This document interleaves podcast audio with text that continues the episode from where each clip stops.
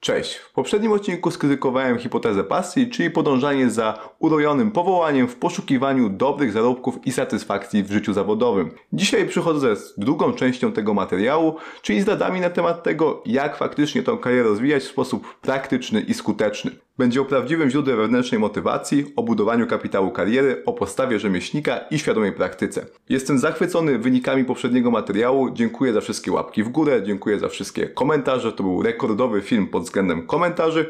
No i zachęcam, aby ta druga część, gdzie będę miał bardziej pozytywne informacje dla Was, również osiągnęła tak świetne wyniki. Tak więc nie zapomnij zostawić łapkę w górę i podzielić się swoją opinią w komentarzach. Zapraszam do dyskusji. Tymczasem lecimy z tematem. Partnerem odcinka jest portal Just Join IT, gdzie znajdziecie najwięcej ofert pracy z widełkami od najlepszych firm z branży IT. W opisie tego filmu znajdziesz link z atrakcyjnymi ofertami przygotowanymi specjalnie dla widzów kanału Przeprogramowani. Zachęcam do sprawdzenia. Na wstępie warto zaznaczyć, że fundamentem tego odcinka będzie książka. Książka, o której wspominało już kilka osób w komentarzach pod poprzednim filmem, bo ona gdzieś tam się przebijała również i w tamtym materiale, ale tutaj tak naprawdę będę gdzieś tą książkę streszczał, ale to nie tylko będzie sucha teoria, bo to również będzie e, coś, co ja zastosowałem w praktyce i co stosuje wiele innych osób, bo gdzieś tam uważnie obserwuję środowisko. No już mówię o jaką książkę chodzi.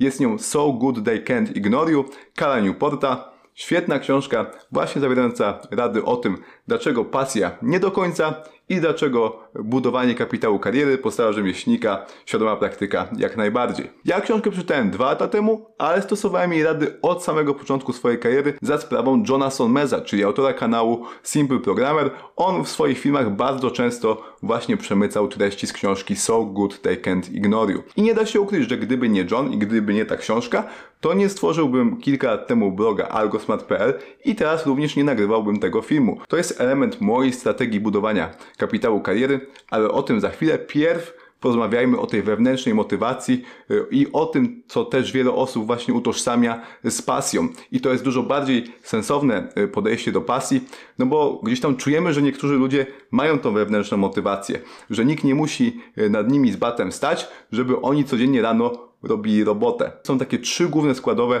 właśnie skąd ta wewnętrzna motywacja w ludziach do swojego zajęcia, do swojego zawodu się bierze. Pierwszą cechą zajęcia, środowiska, w którym się znajdujemy, które wywołuje wewnętrzną motywację, jest autonomia, czyli poczucie, że mamy kontrolę nad własnym czasem oraz że mamy przestrzeń e, dodawania upustu swojej kreatywności. Drugi czynnik, druga cecha to kompetentność, czyli poczucie, że jesteśmy dobrzy w tym, co robimy i że jeszcze cały czas też mamy przestrzeń do dalszego rozwoju. I trzecia rzecz to jest poczucie sensu, poczucie istotności, że to, co robimy, ma znaczenie, że sprawia, że świat jest lepszym miejscem, że ktoś z tego korzysta.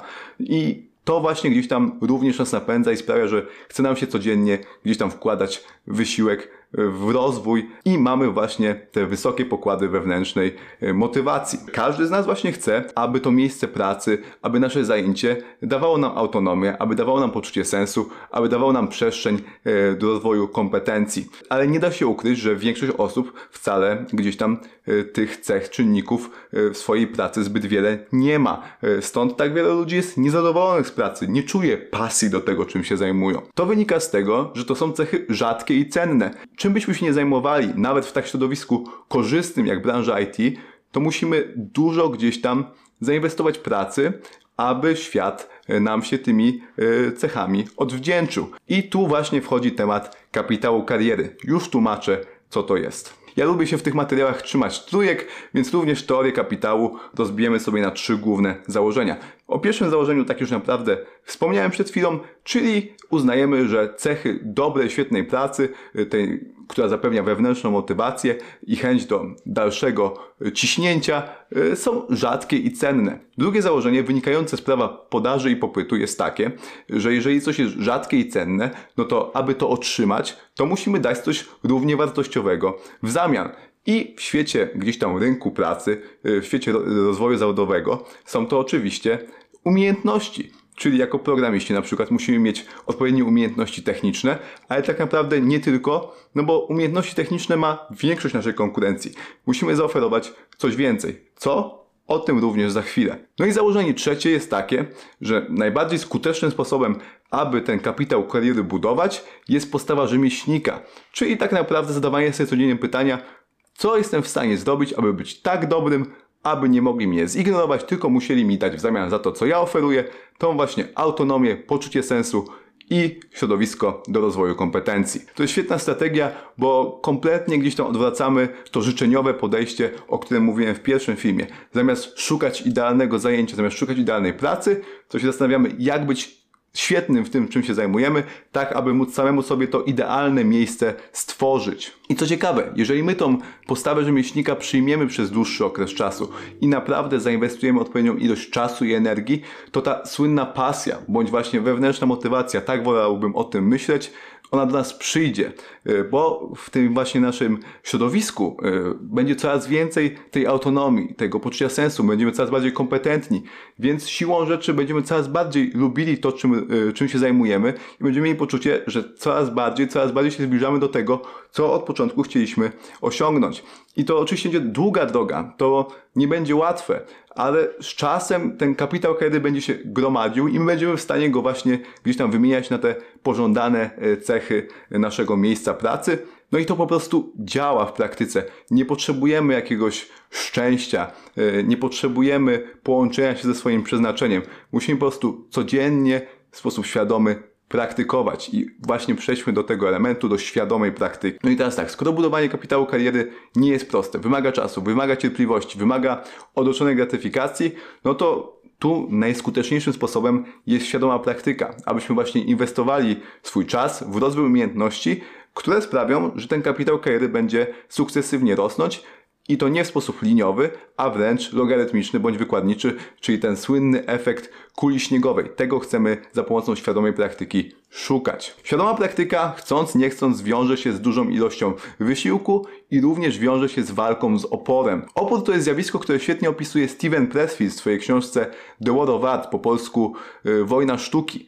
Tam właśnie Steven zaznacza, że ta świadoma praktyka bardzo wią wiąże się z czymś nieprzyjemnym, wiąże się z walką z samym sobą. Stąd tak często gdzieś tam się słyszy, że naszym największym przeciwnikiem jesteśmy my sami.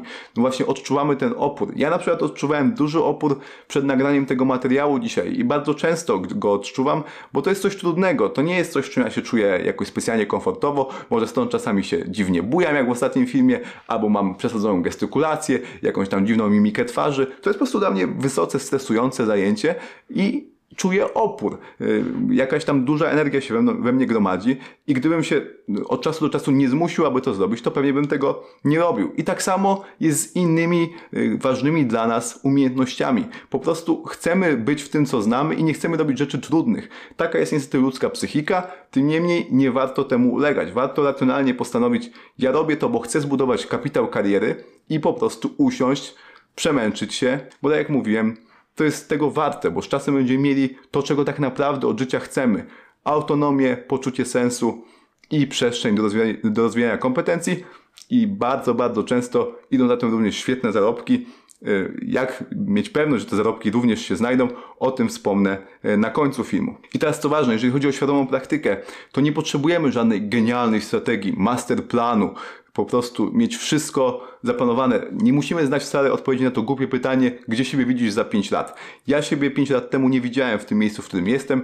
3 lata temu założyłem e, kanał Przeprogramowani z Przemkiem i Adamem. E, gdzieś tam pomysł powstał miesiąc czy dwa wcześniej, więc kompletnie bym nigdy nie przewidział, że będę dużą część czasu swojego przeznaczał na tego typu e, materiały. Tym niemniej, kiedy pojawiła się okazja, kiedy poznałem fajnych ludzi, no to poczułem, że to jest fajny zakład, że mogę spróbować coś nowego jest szansa, że będę miał duży zwrot w postaci właśnie kapitału kariery z tak, tego typu działalności i co najwyżej może się stać? Najwyżej się skomplementuje. Najwyżej kilka osób mi napisze na YouTubie, że ale tam dziwnie wyglądasz, ale dziwnie wymachujesz łapami.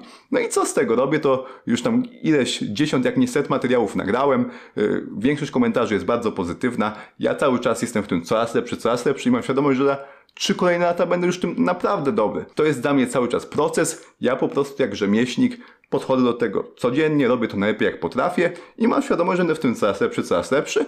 I przy okazji y, gdzieś tam rozwijam umiejętności, które są antykruche. No bo powiedzmy, często się ostatnio mówi o tym, że sztuczna inteligencja wykluczy programistów. Nawet jeżeli by się tak stało, no to ja będę w stanie dobrze pisać, dobrze mówić, występować przed kamerą, dzielić się wiedzą. W pracy również gdzieś tam rozwijam inne y, umiejętności związane z oporem, y, jak na przykład prowadzenie spotkań, y, prowadzenie prezentacji. To jest również coś, co nie jest dla mnie jakieś specjalnie komfortowe.